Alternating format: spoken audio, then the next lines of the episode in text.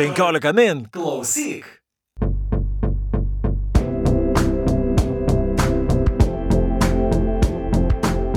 Labadiena, 15 min skaitytojai ir klausytojai. Ir su jumis sveikinasi nauja tinklalaidės perskaitimai laida. Ir joje, kaip visuomet, mes esame du vedėjai, aš Audrius Ožalas. Ir aš Juratė Čarškutė. Ir e, su mumis šiandien yra e, puikiai vertėja Alma Naujokaitinė. Labadiena. Sveiki.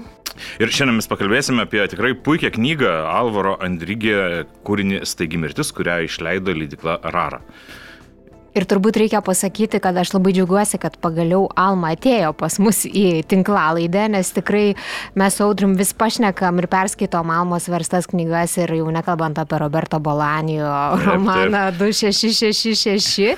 Ir čia beje yra labai įdomus dalykas, tokia labai žavi detalė, kad šitą mūsų šiandienos apkalbėsimą Enrijos romaną, kuri šiaip yra pirmoji jo knyga išversta į anglų kalbą, tai ją į anglų kalbą, kaip ir į lietuvių kalbą, vertė Roberto Bolanio vertėjos. Alma, kaip pačiai patinka šitas sutapimas? Fantastika, aš kai pamačiau, tai supratau, kad mes kažkokios sielos seserys esam su Nataša Vimer. Nataša Vimer, ja, bet skaitosi tokia kaip ir geriausia vos ne Latino Amerikos rašytojų vertėja. Šiaip. Taip, taip, jinai pakankamai garsi ir aš įsivaizduoju, kad finansinė padėtis jos kur kas geresnė negu mano. Na, na ir na, iš karto trumpai apie šitą knygą, apie kurią mes šiandien kalbėsime. Tai staigi mirtis Alvaras Enrygė, kaip jau galima turbūt suprasti, lietuvių skaitytojams dar iki šiol nebuvo žinomas ir tai pirmasis jo vertimas į lietuvių kalbą. E, nors visame pasaulyje jis tikrai yra puikiai žinomas vardas ir jisai vadinamas netgi e, tos tokios na, labai mėgstami ten tie visi pavadinimai, naujoji literatūros banga, naujoji Latino Amerikos, naujasis Latino Amerikos bumas ir panašiai, žodžiu, tie judėjimai visokie, tai žodžiu, e, kaip ten bebūtų, bet bet kokiu atveju jis yra priskiriamas prie tų įdomiausių šių laikų Latino Amerikos rašytojų. Tiesa, jis dabar gyvena e, New York'e, nebe Meksikoje, iš kur jis yra kilęs. Ir e, jis yra apdovanotas gausybė įvairiausių premijų, bet e, kaip Juratė ir paminėjo, kad būtent ši knyga jam pelnė tokį tarptautinį populiarumą. Ji tai buvo pirmoji knyga išversta į anglų kalbą. Ir Iš tikrųjų labai daug kalbama apie šią knygą, labai daug diskutuojama ir mes šiandien šios valandos ar daugiau metų mes tikrai atrasime turbūt dar tokių visokiausių dugnų, kurių galbūt kitas iš mūsų pašnekovų nėra pastebėjęs, nes man atrodo, kad ši knyga labai tokia imli interpretacijams, ar ne, Juratė? Jis yra iš vis turbūt e, toks intertekstinis audinys, labai taip tankiai suaustas ir čia turbūt dera pasakyti ir lietuviškas aktualijas, nes šią savaitę jau ir Facebook'e lietuviškam buvo užvirusi šiokia diskusija šiokia tokia, kur literatūros kritikė Dovilė Kusmitskaitė sakė, kad na, čia tik tai pretenzija yra, ar ne? Marius Burokas sakė, kad tai yra wiki literatūra, o aš, sakiau, o aš mintise pagalvojau, nepuoliau tenais nerti į tas labai didžiulės komentarų bangas, bet iš tikrųjų pagalvojau, kad net jeigu tai yra pretenzija, tai yra man asmeniškai labai pasilgta literatūriškumo, fiktyvumo, vaizduotės žaismo, išmonės pretenzija, nes pastaraisiais metais tas užėjęs savęs rodymo autofiction bumas jau kažkaip tikrai varė vargina ir, ir nervina, ir staiga yra romanas, kur pagrindinis siužeto įvykis yra, na, tarsi sakoma, kad tikrai fiktyvus, ar ne, Roma, Navonos aikštė,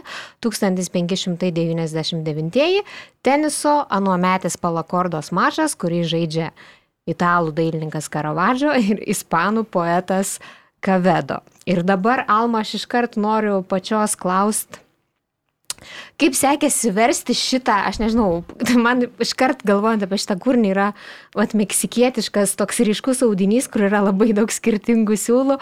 Kaip sekėsi, turbūt tinka sakyti žodį kapanotės? Labai tinka. labai tikslu, nes tai buvo toksai ilga kelionė, bet kartu labai įdomi, labai, labai teko daug ko sužinoti ir aišku, tam laiko daug skirti, bet, bet rezultatas pranoko lūkesčius. Iš tikrųjų, tuo metu, kai mm, pasiūlė šią knygą versti Benas, buvau pati Meksikoje ir volia toje Orizaboje pačioje. tai galbūt tas labiausiai ir sužavėjo, kad galbūt čia kažkoks likimo pirštas ir reikia jos imtis, nors kaip ir rašiau vat, pas Dovilę, kad pradžią perskaičius man tas tenisas kažkaip nesupratau aš apie ką knyga ir kodėl jin čia turėtų būti gera. Kažkaip ištreniruota su tų vat, didžiųjų leidiklų, kad knyga turi pagriepti iš karto kažkaip mhm. tai už, vat, įtraukti. Na, aš nežinau, nesu nei teniso žaidėja, nei kažką ten apie jį nusimanau. Tai sakau, Benui, bet tai kad čia niekas joje nevyksta toj knygoje. Ir man tai patiko jo atsakymas. Tai bet čia ir geriausia dalis yra, kad joje niekas nevyksta. Čia yra kada, čia yra apie ką pagalvot, sako. Ir tada tuomet iš tikrųjų ten kažkaip pradėjau toliau skaityti ir tas vad įsitraukimas turbūt toksai, kad Benu reikia pasitikėti, nes iš tikrųjų, kaip mes su juo apšnekėjom šią viziją vat, ir, ir leidyklos tos Latino Amerikos to autorių, tai jinai labai buvo tokia sutampanti ir bendra, visada svajojau turėti tokių vat, būtent leidėjų. Mhm. Ir beje, beje, aš, aš tai pasakau, ne visi galbūt žmonės supranta, apie ką čia kalbama, tai Benas yra leidyklos Rara vadovas. Ir šita knyga yra dešimtoji leidyklos Rara knyga, toks mažas mini, mini jubiliejus. Beje, šiaip apie tenisą, e, tai aš skaičiau interviu su autorium, kuris ir pats klausiamas žurnalistų, man atrodo, New York Times, sakė, ai ne, tai aš nelabai čia išmanau tą tenisą, esu žiūrėjęs, kaip vaikai žaidžia, bet kažkaip daugmaž toks atrodė, kad tenisas yra tik pretekstas pakalbėti apie gerokai svarbesnius ir, dalykus. Taip, ir jis beje, sakyti, dar kitam interviu sakė, kad na, tenisas yra tik tempui palaikyti.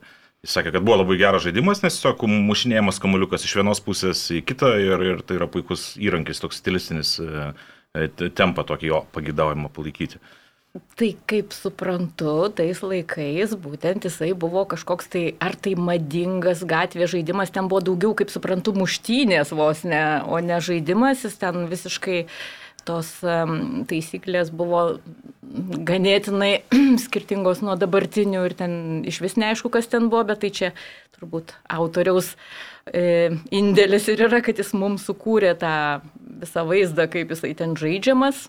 Ir išėjo visai įdomu. Man tai toksai filmas, kaip vat, ypač paimu tą dabar fizinę knygą ir paskaitau, tai atrodo, matau tą jų mm. tiesiog mušinėjimą vienas kitam ir kartu, kaip autorius sakė, Tai čia toksai kaip ir jungiamoji gyja, kad skaitytojas nepavarktų ir taip sukiotų galvą. Amerika, Europą, Ameriką, Europą. Sako, dar norėjau Kiniją vienu metu įtraukti, bet po to pagalvojau, ai per daug jau bus. Na taip viskas. Aišku, beje, jis apie tą per daug jis e, irgi labai mėgsta cituoti Cervantesą, kuris sakė, kad irgi paklojo pamatą šilaikiniam romanui ir tą mintį, kad e, jis vis pabrėžė, kad romane galima daryti, ką tik tai nori. Viską, viskas telpa romane ir kiekvienas romanas, jeigu jis yra tikrai geras romanas, jis yra pirmas ir paskutinis, būtent toks. Tai man atrodo, kad na, ši knyga būtent iš tos literatūrinės pusės ir, ir, ir, yra tokia, kad atrodo, kad autorius, na, leido savo pasileis plaukus, iš tikrųjų, na, darė, darė, ką nori. Iš tikrųjų, toks jausmas, kad tiesiog ir save ten įdėjo kai kuriuose puslapiuose savo pasvarstymus, lyg niekur nieko iš dangaus iškretančius ir, ir, ir apjungia tikrovę, ir, tikrovę ir, ir, ir išmonę ir, ir tiesiog pats pagaliausiai supranti, kad jisai na, mistifikuoja visą tą istoriją supranti, kad čia nebeaišku, kas tikra, kas netikra, kas, kokiems, kokiems tikslams naudojama šioje knygoje. E, įdomiausias dalykas, kad interviu e, dažniausiai jisai jau skundėsi, kad vienas dažniausiai man užduodamų priekaištų ta, kad aš nežinau apie ką ši knyga maždaug. Ir sako, kodėl visiems tai kliūva. Aš tai žinau apie ką knyga, aš juk rinkau jai medžiagą, jis toks vos ne susigaudinęs. Čia mano lyrinis herojus nežino.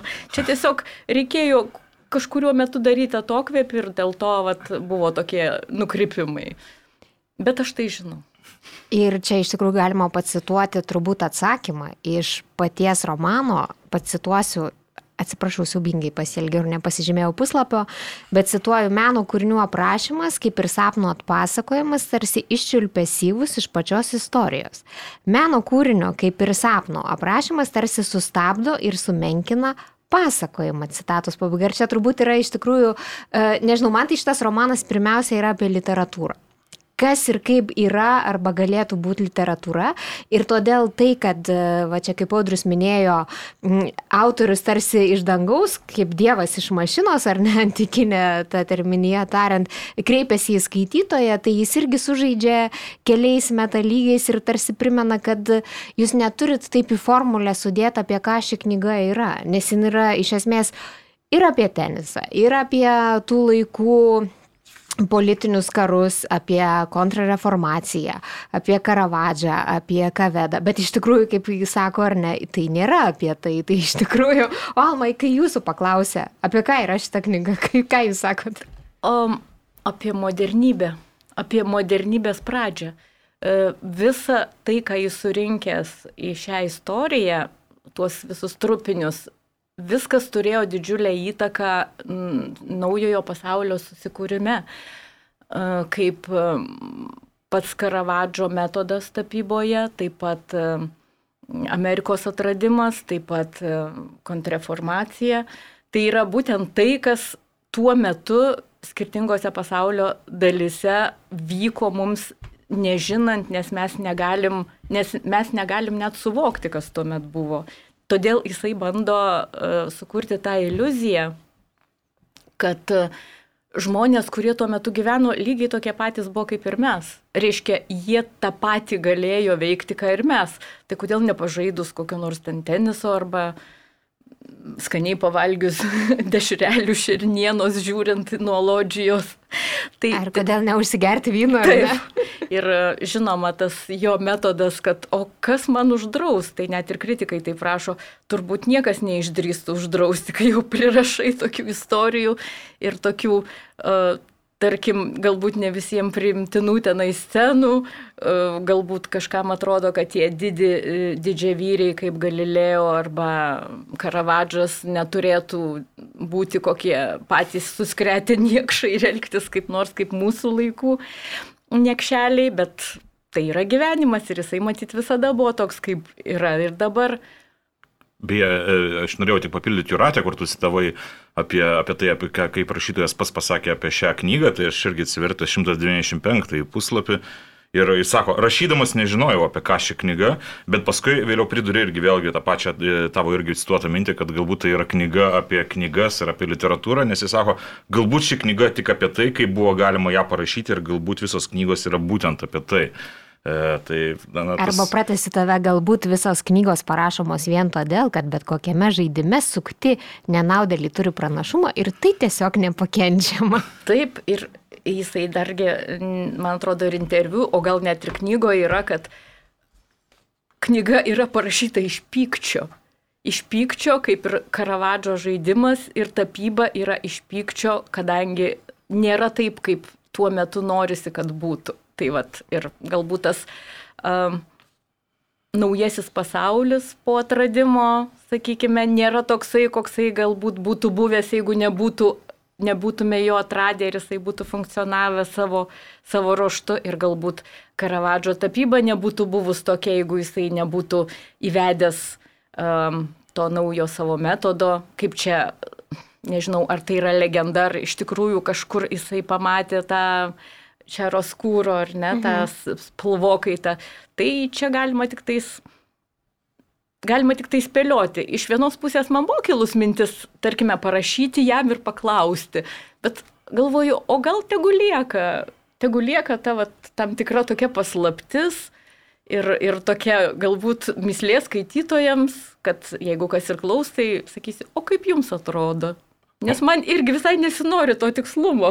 O be, beje, neteko iš tikrųjų susirašyti su pačiu autoriumi? E, vienu metu kilo man mintis, nes buvo labai sunku žaisti tais vad galėtais e, naujos kalbos, reiškia tais niuansais, bet po to mes su redaktorė nutarėm, kad ne, mes jam neišaiškinsim iš lietuvių, ispanų ir dar nahuatlių kalbos tą daryti kažkokį tai žaidimą, pasižiūrėjom, kaip tą daro Nataša Vimer, kuri Benas sakė, kad jinai su juo taip susirašinėjo. Su Nataša Vimer aš skaičiau interviu, kad e, rašytojas sakė, kad jį net gazino Nataša Vimer, nes jinai iš pradžių pateikė vieną draftą, po to pateikė antrą draftą ir jinai jam pradėjo aiškinti, kaip jisai rašo ir pradėjo jam patiem, pačiam aiškinti, kokios jo yra kalbos taisyklės ir sako, na, mane gazdino tie visi pokalbiai su Nataša. Tai Vimer. aš įsivaizduoju, kad jinai pakankamai griežta, nes tokį darbą nudirbtai ne juokas. Tai va, tai bet aš nusti, nutariau, kad tiek to.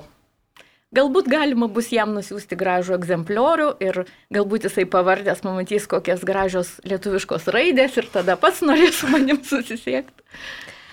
Almo, aš noriu paklausti apie tą sakinį ir tiksliau gal visą pastraipą, kuri prasideda, cituoju, metas atskleisti visas kortas, jei skaitote šį puslapį, skaitote vertimą. Taip, tai čia būtent yra parašyta, aš taip nujaučiu, būtent vertėj, vertėjams, tai yra vertiniams, kurie bus kitomis kalbomis, nes originale to, to skyriaus nėra. Tenai yra labai gražus skyrius apie mm, meksikiečių ispanų kalbą, apie mm, įtaką nahuatlių kalbos, kuri buvo labai skambi, labai minkšta, su daug diminutyvų. Ir tą dėja kitos kalbos neturinčios šitos įtakos labai daug ką prarado, nes meksikiečių ispanų kalba yra tikrai nuostabi.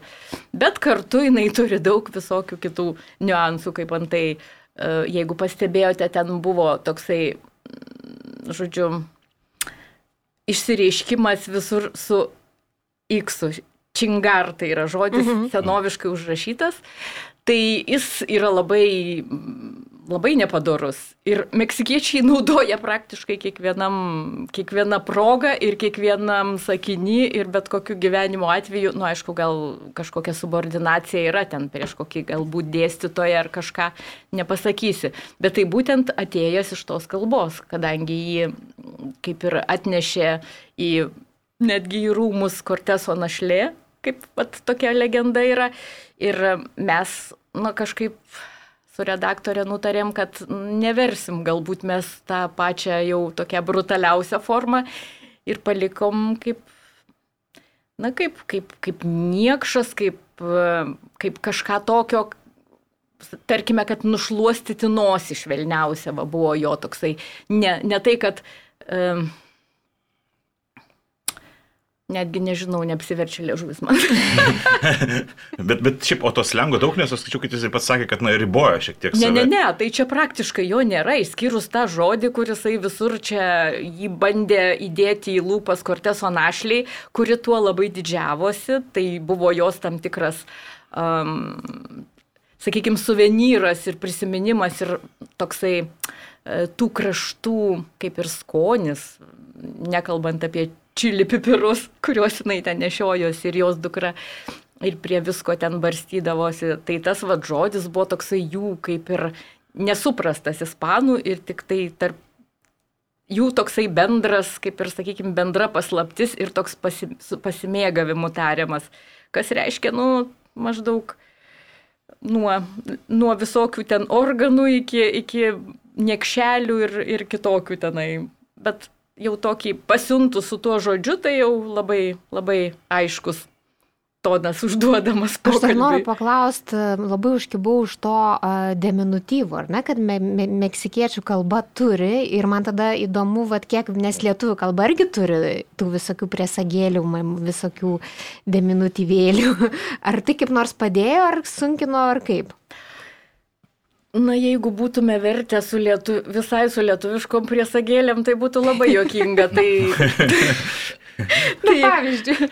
Na, tai jeigu mal, e, malinali ir malicin, tai nežinau, malinalytė ar malinaliutė. Malinėlė. Malinalėlė. Malinalėlė arba kuoltemokas ir kuoltemokcinas. Mhm. Tai iš vis nežinau, kaip čia reikėtų sudurstyti, tai net ir nekilo ta mintis kažkaip, nes vis tiek tai yra vardai. Ir aišku, jeigu jie būtų kažkokie trumpesni ir paprastesni, kaip vat, kitose kalbose, tai visai verčiame ten anikė ir kokia nors ten, nežinau, dar be, be tutė. Pas mus čia nutarėm, kad apseisim gal. Ir e, be abejo, e, kalbant apie šią knygą, jau ir šiandien minėjome, kad wiki literatūra tas žodis tas e, prasprūdo. Ver, verčiant turbūt irgi pakankamai daug laiko teko praleisti sėdint tose pačiose Wikipedijose ir dar daug kur aiškinantis. Ir skaitant. Ir kas, kas, kas, kasgi ten buvo, nes, na, man atrodo, čia toksai kūrinys, kuris tiesiog bliksita erudiciją. Arba galbūt, galbūt kartais tariamo erudicija, nes kaip, kaip pat vėliau paaiškėjo, kad rašytojas tiesiog iš, na, prisigalvoja iš tikrųjų įvairių dalykų ir patikė kaip tikrus.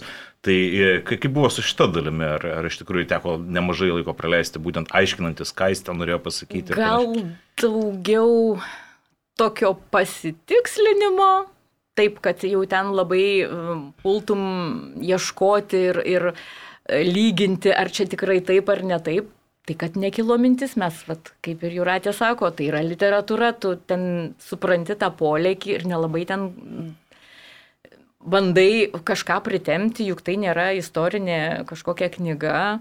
Čia kaip didžiojo klasiko Unamuno įvestas toks terminas interistorija. Mhm. Tai yra va, tokia kaip ir galbūt rėmai paimti ar kažkoks šablonas ir tada kuriama istorija pati. Tai ten į Wikipediją nežinau, ar ten gal tų plaukų, kamoliukų ieškot, gal daug kas pradėjo. Bet aš ėjau ir aš, aš beje dar bet... baisesnis dalykas, nežinau ar baisesnis, aš išsitraukiu iš lentynos Tomo Moro utopiją ir ėjau tikrinti, ar tikrai yra utopijoje sakinys apie kauliukus, kortas, kamoliukus ir raketę. Nes čia dar turbūt reikia laidos klausytam pasakyti, kad yra vienas e, romano, aš net nežinau, gal trys tokie ryškus sluoksniai yra tas jau minėtas teniso mačas, tada yra e, Meksikos visa linija konkistadorai ir to naujojo pasaulio atradimas, kur labai gražiai romane sakoma, kada pasaulis suprato, kad jis yra apvalus.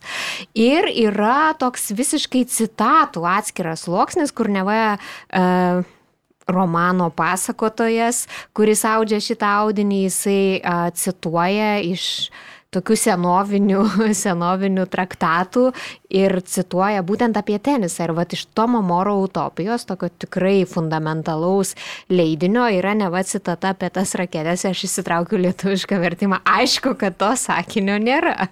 Bet, tai, va čia įdomu, kaip jisai prikuria ir kaip jisai žaidžia su šaltiniais. Ir be to, ir kaip jisai, na, aš irgi prieš šią laidą jau kalbėjom, kad e, aš, aš labai irgi norėjau sešinti, ar iš tikrųjų Karavažas žaidė tą tenisą, nes kaip šitam ir, ir, ir tas pats rašytojas, kad, nes jis pats supranta, kad tos sumaišties per daug nebus, kuo daugiau, tuo geriau.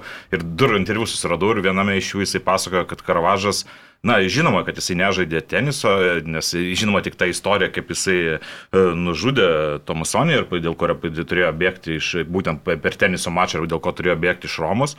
Ir žinoma, jis nežaidė tenisą, po to kitam interviu skaitau ir žiūriu, jisai ir rimtų veidų aiškina, kad taip žinoma, kad Karavažas atvykęs į Romą dar kai buvo, kai dar nebuvo žinomas rašytojas, jisai pinigų įsidirbdavo žaisdamas tenisą. Ir štai, ir, ir po to mėginau googlinti irgi be abejo, ir, ir supratau, kad na, čia visiškai beržas reikalas. Tiesiog, na, aišku, aišku įdomu, iš tikrųjų rašytojas visą tai e, sukūrė įdomumą, tačiau vėlgi aš irgi pritariu jums, e, kad, irgi, kad, kad iš tikrųjų šitas autorius netgi pas visą laiką savo, kad aš rašyti 19 amžiaus tipo romaną, kuriame viską pateikti kuo realistiškiau, tai nebėra jokio tikslo, kad kaip tik dabar yra tikslas rašyti romaną, kuriame tiesiog numesti kažkokias koordinatės, kaip jis pats sako, o skaitytojas pats tarptų iš tų koordinačių susidaro savo vaizdą, kasgi tos erdvėse slypia tarp to jau pasakojimo fragmentų. Alma, kokia yra istorija, kad jis pats ėjo taisyti tam tikrų faktų ir informacijos į Wikipediją? Aš nežinau, ar tai buvo pokštas, bet viename interviu visai tokios um, rimtos uh, laidos apie naujas knygas, apie literatūrą pasakė, kad kadangi žmonės tikisi, kad tai yra vis tik ne iš piršto laužta ir dėl tų kamoliukų tikrai eis pasitikslintai, aš tiesiog pataisiau ten.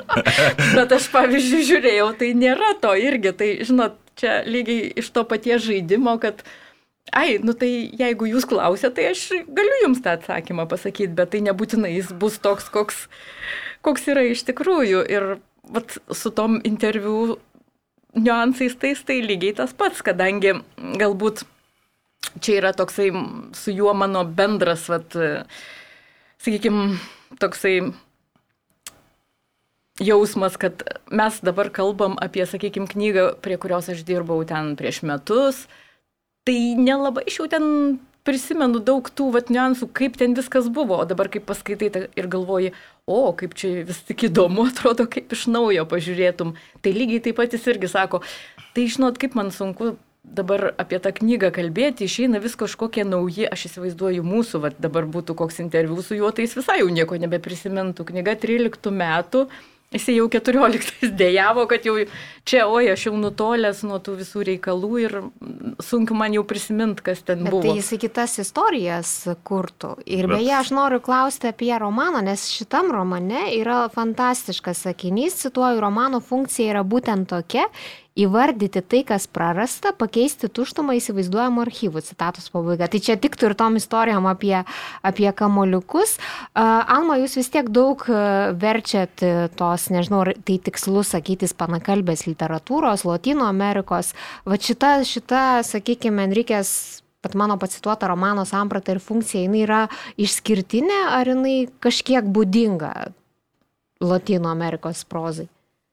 Mm, nei labai išskirtinė, nei turbūt labai būdinga. Toks e, yra, yra, aišku, autorių, kurie labai bando atitrūkti nuo tokių vat, žemiškų ir tų tokių labai apčiuopiamų dalykų, tos būties, bet yra, kur labai yra tradi tra tradiciniam temom rašo ir tai yra vis tik e, daug to socialinio dar tokio skausmo pas juos ir, ir labai daug apie tai rašo, bet, bet Enrigė tai man kažko vat, su Bolanijos siejasi tuo, kad jie kažkaip sugeba išsiplėšti iš to. Vienas vienaip, kitas kitaip, labai aišku skirtingai, bet jie yra fantastiški tuo, kad jie tikrai kūrė literatūrą tą vat, būtent mano supratimu taip pat būtent tikrą literatūrą, kur nėra, tu gali užsimiršti tiesiog, kad tai um, kažkokie rėmai, o toliau ten visa, kas juose užpildoma, tai galbūt kitą dieną būtų užrašyta visai kitom temom užpildyta ir kitais, kitom emocijom. Bet, bet, bet šiaip su Bolanijo iš tikrųjų, nu, pas rašytojas beje Bolanijo kažkaip nemini savo interviu tarp savo įtakų, bet, na, Man panašumai irgi yra, na bent jau tas išorinis pats paprasčiausias panašumas, kad irgi supina visokiausių faktų, faktelių, kurie buvo, kas nebuvo. Ir kaip yra, na, tie pašėlę Bolanio gerbėjai, kurie irgi ten sudarinėjo tos sąrašus, apie ką ten Bolanijo savo romanus parašė, taip ir šio autorius atveju tai irgi galima būtų pasakyti, tas tikrovės, netikrovės sudarimas ir kad netikrovė atrodytų panašiai kaip tikrovė.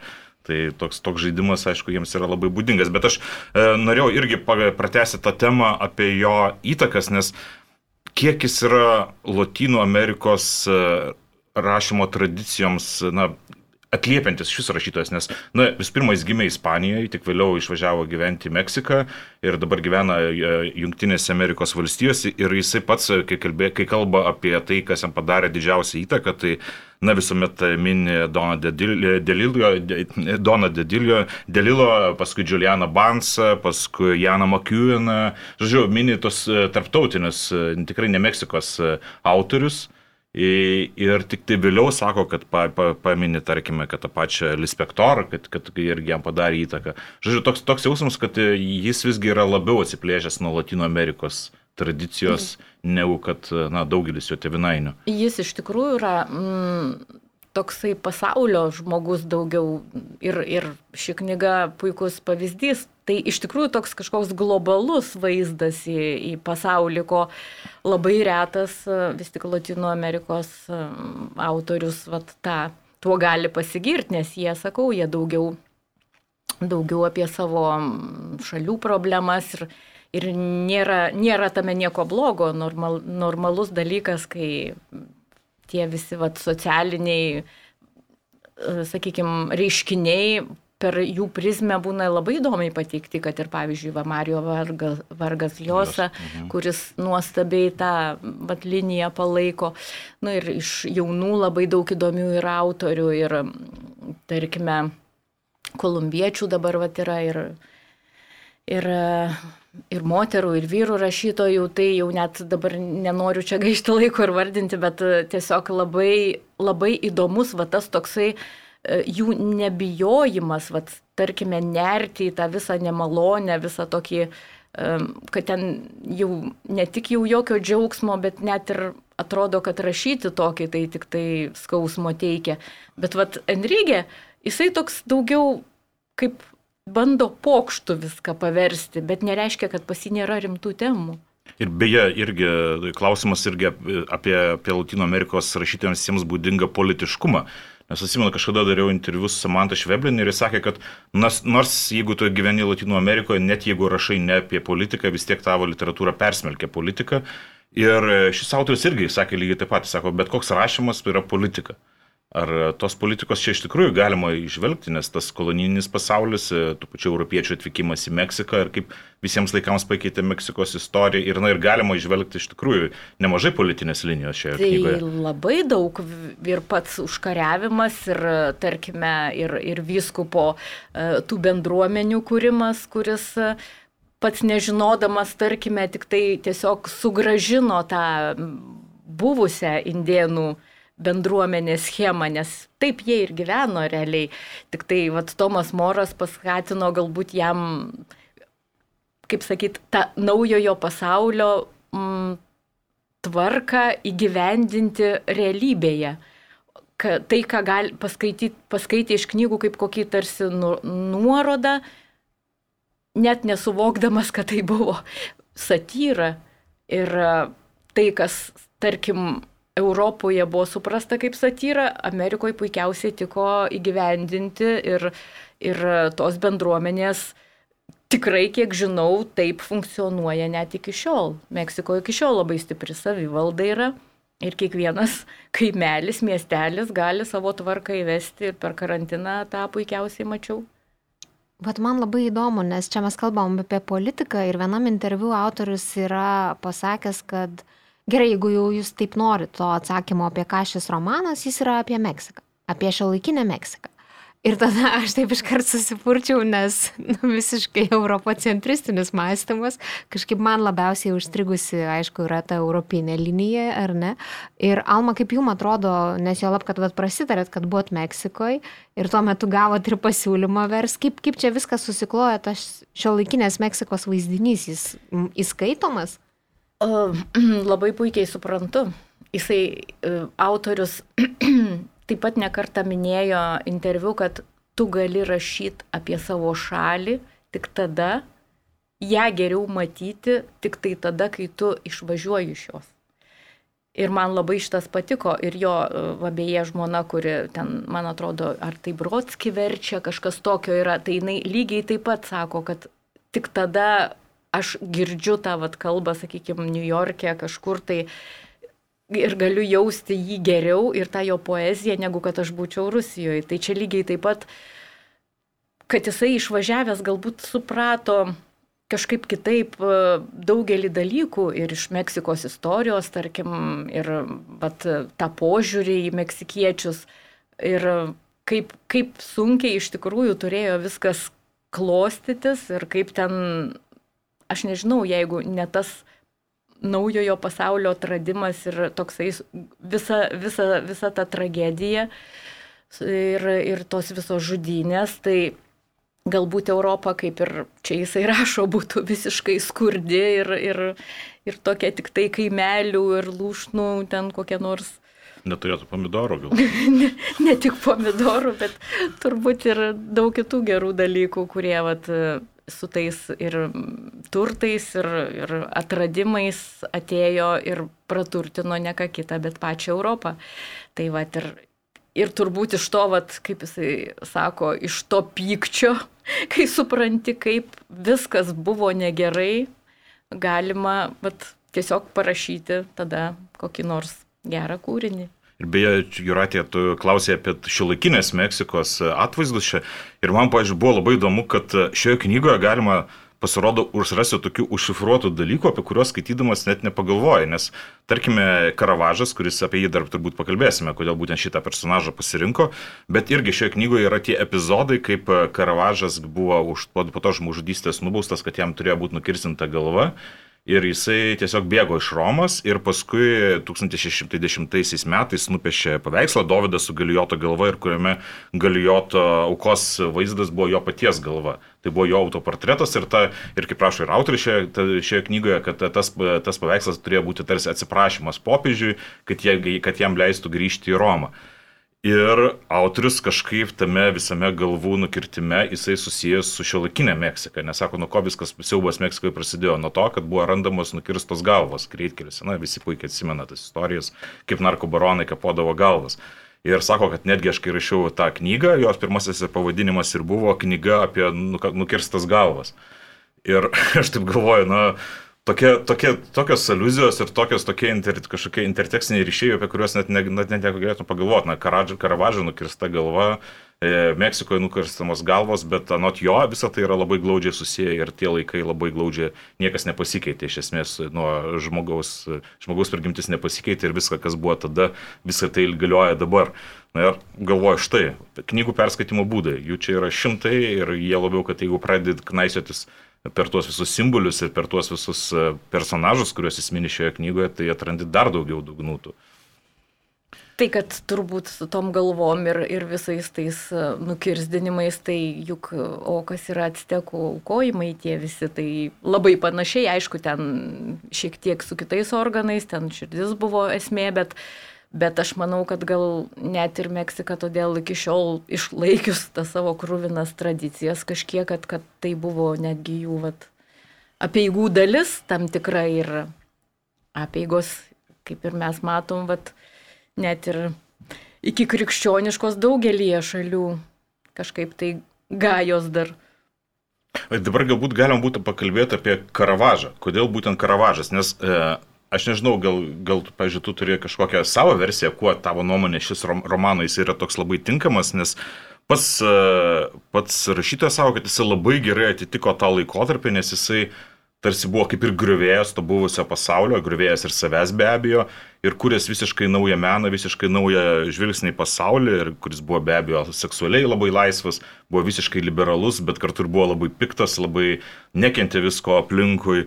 Na ir žodžiu, jis buvo toksai, na kaip ir maištininkas. Ir, ir anot jo jis buvo toks, na, puikus personažas, labai gerai atspindintis tą laikotarpį. Toks, e, ir kaip, kaip jis, man atrodo, dar toks buvo jo e, posakis, maestro, kuris atrodė kaip bet kas kitas, bet tik tai ne kaip maestro.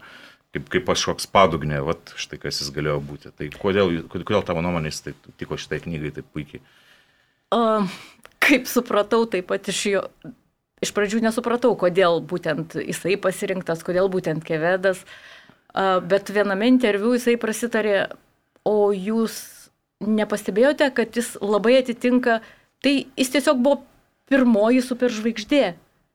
Maždaug gyvenk greitai, mirk jaunas pas jį viskas buvo tai, ką jisai buvo be galo talentingas, bet kartu ten visoks plėvės, kaip, vad, sakai, padugnė ir ten žudikas ir, ir galiausiai jisai rašo, mūsų brolis. Jis toks kaip mes. Ir galbūt tas, vad, jo E, biografijos tie faktai ir vat jį tokį užvedė ant kelio, kad jisai ir sako, jis pirmasis celebritis buvo, galbūt dėl to. Tai Keveda irgi beje. Bet man tada įdomu klausti, kaip Keveda pasirinko. Keveda jisai pasirinko, beje, apie Keveda jisai sakė tai, kad e, jis, sakai, sukūriau Karavadžą, aš supratau, kad e, prieš tokį monstrą gali žaisti tik tai monstras, kuris būtų lygiai toks pats kaip jis. Tai nusprendė, kad Kevedas yra lygiai toks pats tinkamas monstras E, kuris buvo, kaip jis apibūdino, moralistas be moralės, kuris labai palaikė e, visą katalikišką e, katalikybę, dėl to, kad tai buvo jungimoji imperijos grandis, tačiau pats buvo ateistas, visiškai nieko netikėjo, pats buvo piratas, lygiai kaip, kaip, kaip Karavažas irgi į avantūras visokias būdavo rinki, linkęs ir jis apibūdino jį kaip roko žvaigždę, kaip kaip toks bišas, kurį rasi, kur, kaip bišas, kurį va, šiais laikais rastum dažniausiai girtas virduliuojantį kažkokiam tai bare. Tai va štai va, toks va kevedas buvo anot jo, tai sakė labai tiko į porą karavadžiai. Tai va, tai puikus reiškia paveikslėlis, o dėl bent jau kritikai tai džiaugiasi, kad Kevedas labai gražiai, vat, Enrigės pavaizduotas, kad jisai ten būtent ne kažkokių um, po, poetinių tenai savo kūrybinių ten tų kančių kokioj tai ten, bet pat toksai žmogiškas, kur reikia jam ten kažkur pabėgti, nes teisingumas jį ten persekioja ir šiaip nuobodu jam ten tose rūmuose. Tai taip matyt, bičiuliai ir sutinka vienas kitą. Ir tik tai įdomiausia, kad kaip kaip ten reikėjo vis tik suvesti į tą vat, mačą, kad jie tą žaidimą pradėtų. Tai čia vat, pats įdomiausias man rašytojo sumanimas, kai tu, reiškia, tą knygą aš paskaičiau, gerai sutikau, gerai versiu viską. Ir aš po to tik gale pačiam vos net ten supratau, kodėl viskas. Nes ir šiaip prasidėjo. ir nesakė per visą Ne. knygą. Taip. Tu skaitai ir tu vis dar nežinai, tu suvoki, kad tai yra gyvybės ir mirties klausimas, kova yra lemtinga, ko? absoliučiai. Ir iš esmės, ir vat, būtent čia yra Taip. tas pakabinimas skaitytojo ir tu, kol sužinai, kodėl. Bet tu jau gal nesakom, nes paskui Ne, ne, ne, kritikuoja, sako, sako, jūs viską atskleidžiate. Viską čia jo. tai- Jokių būdų, bet sakau, kiek fantazija neša va tas tokia. ėjimas šiaip yra tai jau pati priežastis, jinai tokia labai šio laikinė. Taip, Ir kita, kita vertus nieko ne šio laikinė. Apskritai turbūt va čia ką ir Audris minėjo, kad šita knyga tik mums dar kartą primena, kad žmogus nesikeičia nuo senų senovės, kad smurto formos, nu smurtas iš principo jis visada buvo, yra ir bus toks pat. O ir man dar kas labai turbūt žavinga šitoje knygoje, kad jis būtent, e, nu, nes dabar taip žiūrint Karavadžas ir Kevedas, nu atrodo tokie jau visiškai nejudinami postamentiniai meno, va- vakarų meno ar ne ir literatūros herojai ir staiga jie tokie visiškai padraikos ir va tas genijaus truputį numitinimo, jis tarsi numitina, bet toliau kuria mitą, tik tai jau ne tą tokį grakštų, auksų spindinti, tviskantį ir tokį labai, labai žmogiškai natūralų. Ir, ir sugeba tą sukurti tokį, gal, gal iš tikrųjų ir yra tas e, būdinga ir šiems laikams, kad pasaulis, kuriame na, tas aukštasis menas, tie patys Karavažo paveikslai dera su to pačiu Karavažu, kuris e, na, girtokliauja ir visa kita. Ir, na, žodžiu, atrodo, atrodo tas prieštaros visai, visai jaukiai su, su, sutampa. vat, Iš tikrųjų, tame pasaulyje kaip ir sutampa šiais laikais. Na, kaip ir pats autorius sakė, kad, na, pažiūrėkit, šis, šie laikai ir tie laikai, viskas labai tinka. Šiais laikais mes turime savo vinilų kolekcijai tar, tą patį Miles Davis ir Beklash vieną šalia kito ir viskas atrodo ok. O kaip, kaip ir tada, irgi viskas buvo ok, viskas tai galėjo eiti vieną šalia kito. Nu, taip, kaip sako Alvaro Enrigė, taigi visais laikais menininkai norėjo valgyti. Tai vad būtent ir kas šitoje knygoje yra žavinga, kad yra rodomi taip visiškai į pirmą planą, yra ištraukiamas tos kūrinių sukūrimo užkulisinės istorijos, kur kažkaip jau jeigu mes mokomės kažką ar ne, tai mecenavo tas ir tas, žodžiu, sukūrė tam ir tam, o čia labai adekvačiai rodomi, kaip e, herojai atsiranda, kas pozuoja, kas moka pinigus. Ir man iš tikrųjų dar vienas, beje, nepakalbėjom, bet labai žavingas šitos knygos sluoksnis yra e, katalikų bažnyčios viskupų karai, kariukai ir santykiai su popiežiumi. Nu, tai yra irgi toks labai... Yra ten smagumų, čia turbūt reiktų klausti iš vis humorą apie, jo, apie toną, stilių, nes ta ironija, aš- jinai tokia irgi pingpongiška. Yra, pažiūrėjau, aš čia turiu išsirašęs vieną atsakinį, Katalina Enrikės de Rivera Cortes ir Pedra Tejesa Hirona jungia ne tik santoką, bet ir stipri verslo partnerystė, kurioje kiekvienas suteikia tai, ko kitam trūko, kad paskui rastų progą įsižeisti. Citatos pabaiga. Tai čia aš kaip suprantu, e, visos legendos apie ispanišką charakterį, vat, kaip ir atsiskleidžia ten pliksteli iš aistros ar ten iš pykčio ar iš kokio nors įžeidimo. Tai taip, vat, įdomioji dalis su ta, su ta visa tenai viskupija, tai ojojoj, kaip prisimenu, ten tikrai reikėjo truputėlį, va čia, čia labiausiai reikėjo turbūt pasigūglinti, kad ten ne, nesupainiotų jų ten reikalų, ką jie ten nuveikė ir, ir su kuo ten buvo susiję. Tai kažkada buvau skaičius apie to amžiaus popiežių, ten visą tą palaidą gyvenimą ir kaip ten popiežių bendrai, ne vieno, kad tiesiog va, ta tokia norma aukštybėse ir tam uždaram bokšte kažkaip sunkiai dabar suvokiama, bet matyt, iš to ir po to kilo ta reformacija, iš tų neapsikentimo, tų visų, tarkime, dogmų, kurias skelbė ir kaip patys gyveno visiškai atotrukio ir prieštaravimų.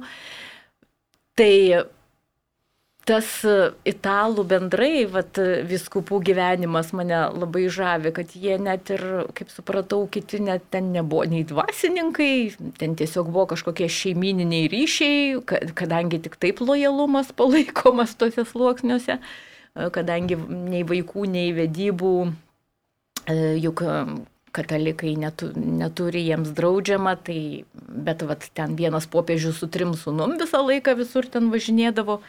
Tai nežinau, kiek čia yra tiesos, kiek čia išmonė, bet matomai nėra iš piršto laužta, kadangi šitos žinios apie tų laikų dvasininkyje, kaip jinai ten gyveno, tai kažkas tokio sunkiai suvokiamo. Bet beje, apie tą humorą, šiaip iš tikrųjų, na, žmonės, kai kurie, na, skaitant recenzijas, taip atrodo, kad jie viską perskaito taip labai rimtai, sus, gal jie pasižiūri į tuos kontekstus, ieško, bet labai dažnai matau, kad jie tiesiog nepagauna turbūt to humoro sluoksnio, kurio, man atrodo, čia yra tiek apstu, Ir e, skai, skaitydamas ypač knygos pabaigą, pavyzdžiui, bent jau tuos, tuos visus epizodus, kai buvo gaminami ten tie tos, tos dovanos, pavyzdžiui, ten irgi popiežiui, na, tiesiog yra, na, puikios, tiesiog žaižuoja to puikiu humoru. Ir, ir autorius matos taip, taip, taip toks jausmas, kad jis rašo net rimtuosius dalykus, jis rašo su tokia, na, su šypsena tokia kreiva iš tikrųjų, ar ne? Tai jis ap, aps, ap, aplamai toksai, va, yra pats pokštininkas ir jam, va, įdomiausia, sako, man yra įdomiausia žaisti tame, tame e, žodžių ir situacijų visame, kaip jis sako, ping-pongė, nes mhm. galbūt e, galbūt, sako, galėjau aš ten ir 16 amžiaus kalbą ten viską rašinėti, bet nei tai būtų įdomu, nei tai aš tą kalbą žinau, tai kam aš čia dabar turėčiau kažkaip tai, bet galima tą žmogų pritempti prie mūsų laikų, e, kuo mes gyvenam ir kas pas mus, kokie dalykai pas mus vyksta. Tai vad ten tam, e, tai vyskupą Kirogą, kaip indienas tais gribukais pavaišina. Jam čia atrodo, kad labai vykęs toksai.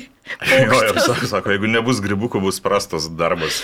Tai jo. bet, bet šiaip jo, ir jis ir dar vieno vietoje, ir vienam interviu irgi sakė, sako, jeigu tu rašai knygą, kurioje tu gali parodyti, kaip galilėjus susiema homoseksualiu seksu, tai kodėl to nepadarius? tai aišku, įsivaizduoju, kad kai ką, kai ką net, nu, kaip, kaip yra ir minėjai, galbūt ir širpina tokie visi dalykai, galbūt galvoja, kad čia yra visiškai neskoninga, tačiau, na, Taip, tas neskoningumas, man atrodo, daugam užklius, bet Bet tai nereiškia, kad taip nebuvo. Tais laikais buvo galbūt tai visiškai normalus dalykas ir e, aš kaip suprantu, Alvaro Enrigė normaliai pasidomėjęs ir patirinėjęs ten tuos ir papročius ir gal kažkur pritemta šiek tiek, gal kažkur, kaip sakoma, persudita, bet o kodėl ne? Jeigu egzistavo tokie normalūs tai primtini ryšiai ir tai buvo kažkokia irgi, ar tai paslauga, ar tai, nežinau, padėka, kaip tai pavadinsi, ir, ir tie mecenatai, va ir nepaslaptis ten kažkokios berniukų, ne tai gimnazijos, nei tai ten, kur priglausdavo būtent tie visi aukštuomenės ir kaip taisyklė viengungiai vyrai, tai matyti nebuvo tais laikais, nei tai kažkokiu nusikaltimu labai laikoma. O galbūt iš Romos imperijos dar netokių dalykų. Aš tai galvočiau šis, kad mes dabar labai nykiai ir nuobodžiai gyvenam palyginti su ankstesniais laikais. Na, Korteso ten vien jau gyvenimas, kai ten paskaitai tos epizodus, atrodo, oho, kaip, kaip gyveno žmogus. Tai taip reikėjo kažkaip tai surasti savo vietą. Pasaulyje, pasaulis buvo labai platus, galimybių labai daug ir nebuvo reguliavimų jokių.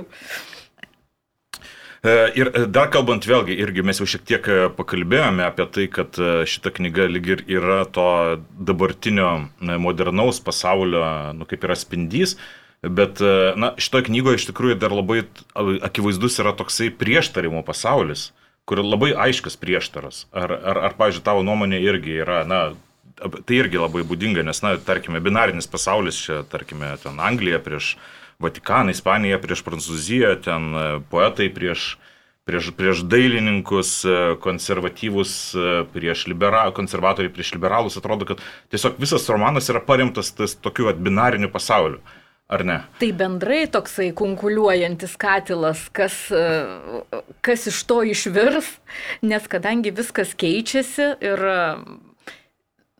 kaip autorius sako, jeigu tie žmonės, kurie tuo met gyveno, jie juk nežinojo, kad mes žinosim apie juos kažką, jie net negalvojo apie tai, kad tos ateities kartos kažkaip galbūt jais domėsis. Ir mes galbūt tai dabar nie, niekam netrodom, kad busim įdomus, o neaišku, kaip bus tiem, kas gyvens po mūsų. Tai lygiai taip ir čia, jeigu mūsų, mūsų požiūriu ten jie kažkokie yra neteisingi, netvarkingi, bjaurūs, apskretę ir taip, tai jiems tai galbūt buvo kasdienybė ir vat, nauji, nauji tie įgūdžiai, kaip, kaip susidūrimas, tarkime, švarių, tų nuprau, išsipraususių kvepiančių indėnių ir, ir purvinų smirdančių tų konkistadorų, bet pasirodo taip pat ir popiežių, kurie neką praščiau irgi smirdėjo. Tai, bet irgi tas susidūrimas vien, vieniems atrodė, kad e, galbūt tai savaime suprantama gyventi taip, o kitiems savo ruoštų. Tai paskui tas katilas bendrai verdantis galbūt dabar atrodo, kad Na. Tai čia beje, aš audriau tau atsakyčiau į klausimą citata iš romano, kur sakoma, šis romanas irgi yra kova, o ko, Taip. kovai aišku visada reikia dviejų pusių ir tos įtampos ir to kariavimo. Ir aš gal net sakyčiau, kad čia yra tokia kova uh, šiek tiek ir tarp rašytojo ir skaitytojo, nes jis labai taip uh, daug šneka man apskritai, aš Almos norėčiau klausyti dar truputį platesnio konteksto, iš, šiek tiek, jeigu leisit, išlyskim truputį iš Enrikės knygos ir nulyskim į kitą Almos verstą knygą, irgi leidyklos Raras išleis, Raros išleista ir mūsų jau apkalbėta argentinietį Cezarį Airą ir neapkalbėta romaną Vaiduoklį, kur turbūt ta vaiduoklių pagrindinė metafora, man, nežinau, Alma, gali nesutikti, bet man tai irgi yra apie, apie literatūrą.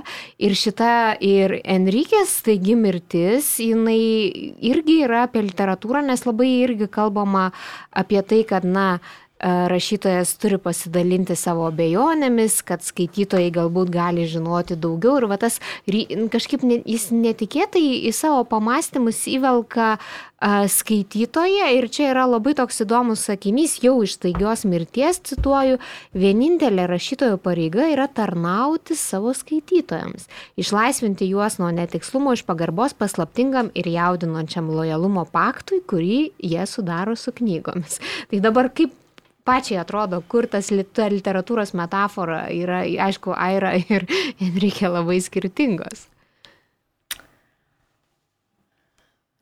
Taip, vaiduokliuose literatūra ten tiesiog gyvena toje patrija, toj mer mergaitės, toj visoj, kaip sakyti, kasdienybei.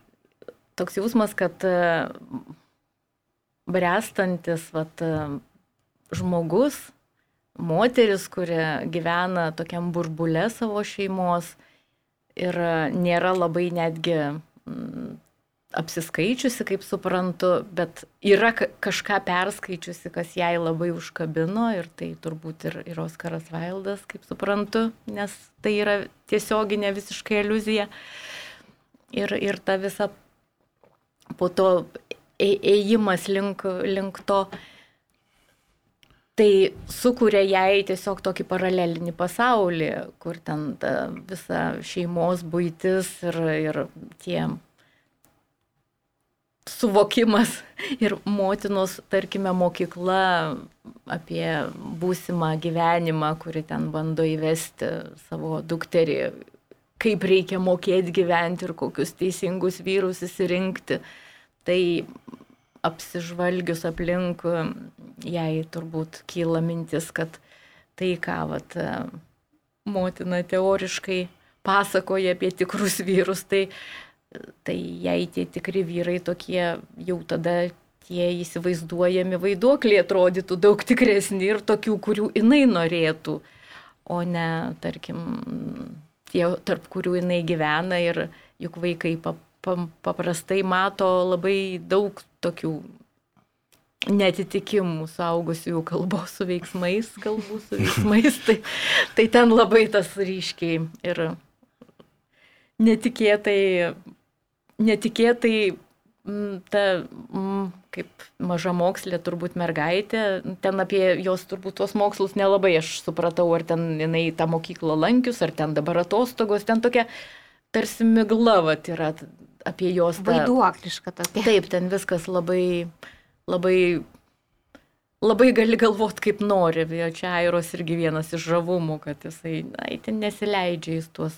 Bet kartu suvokimas, matyti, yra toks gilus jos ir jinai tiek daug galvoja apie tą visą gyvenimo prasme ir, tarkim, tą su, būsimą suaugusiųjų, tą, kas laukia ateityje jau jos pačios ir kaip stebi tą visą savo šeimą ir paklusni ir gera ir visa kita, bet širdį ten matyti jos truputį kiti jausmai verda ir, ir kažkas tai tokio, kur tas pasaulis pasirodo ir ta ateitis ne kažkokia labai šviesi. Ir, ir literatūra tampa kaip tokia priebėga nuo tos šitos. O čia vat pas Enrique yra ar ne tas ryškinamas, kad rašytojas tarnauja savo skaitytojui kuo taip sodriau turbūt kurdamas tą pasaulį. Tai skaitytojas visada teisus. tai reikia taip sukurti, kad, kad, kad e, skaitytojas būtų, kaip čia sakoma, užganėdintas, nes uh, jeigu prarandi savo skaitytojus, tai kam tada rašyti? Bet aš kaip suprantu, su Enrigė tai yra mm, toksai, kad jo skaitytojai yra savotiškai tokie nučiuožę. Na, skaitant Čia dabar knygą. galim prisipažinti, taip mes esame nučiuožę. Nes aš, pavyzdžiui, paklausiau, e, kad ir jie apie apie uh, jį, kokie ten tie savamoksliai skaitytojai, kaip kalba, tai jie tiesiog ten užsidegė. Tai čia, sakau, man irgi labai didelė sąsaja su Bolanijo, kad uh, tiesiog yra rašytojų, kurie, kurie arba įkrenta iš karto, arba visiškai jie ne, nu, kažkaip tai jie ne, nepriimti tokie. Lieka, ne, ne, nėra su jais kažkokio tai ryšio. Uh, Tai aš manau, kad va, Enrigė tai būtent tas, kad jis gal net nesurinks savo labai skaitytojų kažkokių didelių ten auditorijų, bet, bet jau jeigu jisai kam nors patinka, tai tie žmonės ten atras visus niuansus jo paslėptus ir pastebės ir... Ir suras netgi tai, ko rašytojas net negalvoja pasakyti. Greičiausia. Nes jeigu jau bus savoji Enrikės auditorija, jinai bus ištikima. Taip. Na ir kągi, ir iš tikrųjų, knyga, kuri mano nuomonė, na tikrai, bent jau man, aš tikrai galiu pasakyti, ten tos diskusijos internete, bent jau man tai tikrai labai stabus kūrinys, tai tikrai turėjau labai didžiulį malonumą ir beje buvo labai įdomu skaityti, kaip tik neseniai buvo Romoje ir tiesiog skaityti visus tuos aprašymus ir, ir supranti, kad iš tikrųjų šitą knygą galima, na kaip ir pat minėjai, kad galima skaityti daug kartų ir man atrodo, kad būtent, jeigu, pavyzdžiui, pamatai tos pačius paveikslus, Aš vakar tyrinėjau, netgi iki to nuėjau, kad tyrinėjau, kokius ten tie galėjo meksikiečiai atsiųsti dovanas popiežiui, kas ten yra išlikę, ar iš tikrųjų ir išlikę ir panašiai. Tai aš manau, kad na, tie kontekstai tik plečiasi ir plečiasi su kiekvienu skaitimu. O kaip yra su tom plunksnom? Jos tai, iš tai tikrųjų, būtent. Alma, jos tviska. Aš nežinau. Kaip sakė, čia beje jo paties klausė irgi interviu ir jisai sakė, neturiu nei žalio supratimo. Čia beje dar turbūt reikia pasakyti, nežinau kaip jums, bet man tai staigios mirties viršelis yra turbūt šiuo metu gražiausias leidyklos raras viršelis ir vienas gražiausių gal šių metų visų lietuviškų knygų Taip, viršelių. Ma mačiau, kad raros titulitėm puslapį įdėtas leidyklos. Tai būtų labai įdomu sužinoti, ką pasirašytojas galvoja apie šitą viršelį. Na ir nežinau, pabaigai aš dar pasirinkau vieną citatą, kuri man atrodo, čia citatų labai daug yra iš tikrųjų gerų ir, ir mes jau šiandien ne vieną iš jų minėjome, tačiau viena citata man labai patiko, kad pragaras sielos ir blogos knygos yra kamuoliai, demonai žaidžia su jais. Tai ir, ir galvoju, štai šitą knygą tikrai nepakliūna tarptų, turbūt su kuriam demonai žaidžia, nes tai bent jau mano įstikinimu tikrai puikia knyga.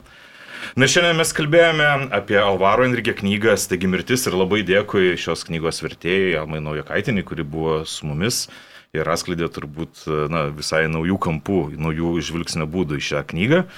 Ir aš noriu Almos paklausti, ar bus Enrigės vertimo ateityje? Tai jeigu jeigu mes juos gausime, kol kas, kiek žinau, jis yra parašęs uh, naują knygą uh, prieš gal metus ar du ir taip pat apie indienus, apie pačius, man atrodo, likusius dar.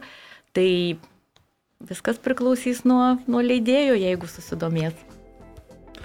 Tai lauksime tos knygos, o kol kas skaitome toliau, taigi mirtis Alvaro Enrigė ir, kaip jau minėjau, dėkui Almai, o laidoje buvome, kaip visuomet mes, aš Audris Ožalas Ir aš Juratė Čerškutė. ir gerų jums skaitinių.